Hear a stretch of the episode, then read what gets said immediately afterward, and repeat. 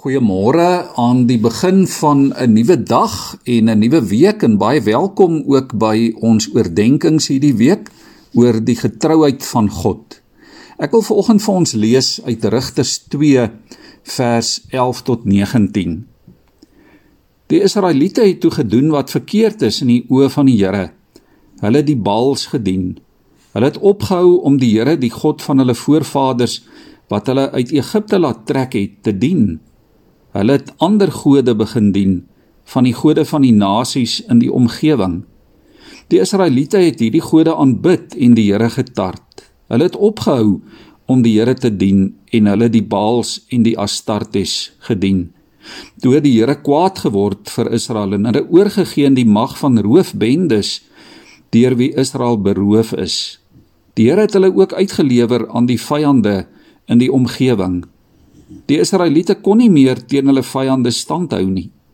In watter rigting die Israeliete ook al gaan veg het, die Here het hulle teëgestaan. Dit is wat hy voorheen vir hulle met 'n eed bevestig het. Die Israeliete het baie swaar gekry. Maar die Here het leiers na vore laat kom en die het die volk gered uit die mag van die mense deur wie hulle beroof is. Die volk het ook nie na hulle leiers geluister nie. Die volk was ontrou aan die Here en het ander gode aanbid en baie gou die pad van hulle voorvaders verlaat en ongehoorsaam geword aan die gebooie van die Here. Liewe vriende, ons kry in die boek Rigters hierdie kontras tussen die getrouheid van God aan die een kant en die ontrouheid van mense aan die ander kant. Kort nadat die Here die Israeliete uit Egipte verlos het, is daar so waar 'n volgende geslag wat nie weet van God en van dit wat die Here vir hulle gedoen het nie. Ja, dieselfde volk wat eerstehands beleef het watter groot dinge die Here vir hulle gedoen het, het nou heeltemal van die Here vergeet. En omdat hulle hom nie meer geken het nie, het hulle al meer begin om teen hom in opstand te kom. En ons sou verwag, liewe vriende, dat God sy rug op hulle sou draai.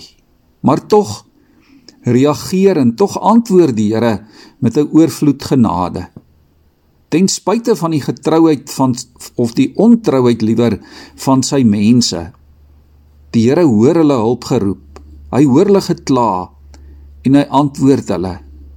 Ons sien dit deur al die eeue hoe dat die Here die beloftes wat hy in sy verbond met hulle gemaak het, hoe dat hy dit hou.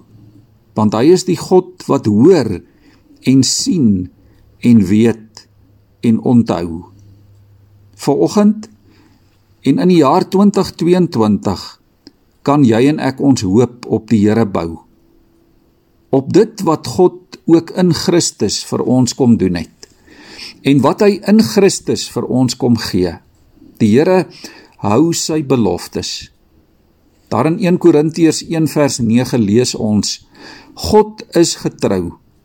Hy wat julle geroep het om verenig te lewe met sy seun Jesus Christus ons Here. Hoor dit vanmôre. Die Here hoor die geroep van sy mense. Mense wat weet dat hulle hulle self nie kan help nie. Die Here onthou sy verbond. Hy onthou sy beloftes om ons te red. En die Here ken jou behoeftes. In Christus kom die Here en hy voorsien in dit wat jy en ek nodig het.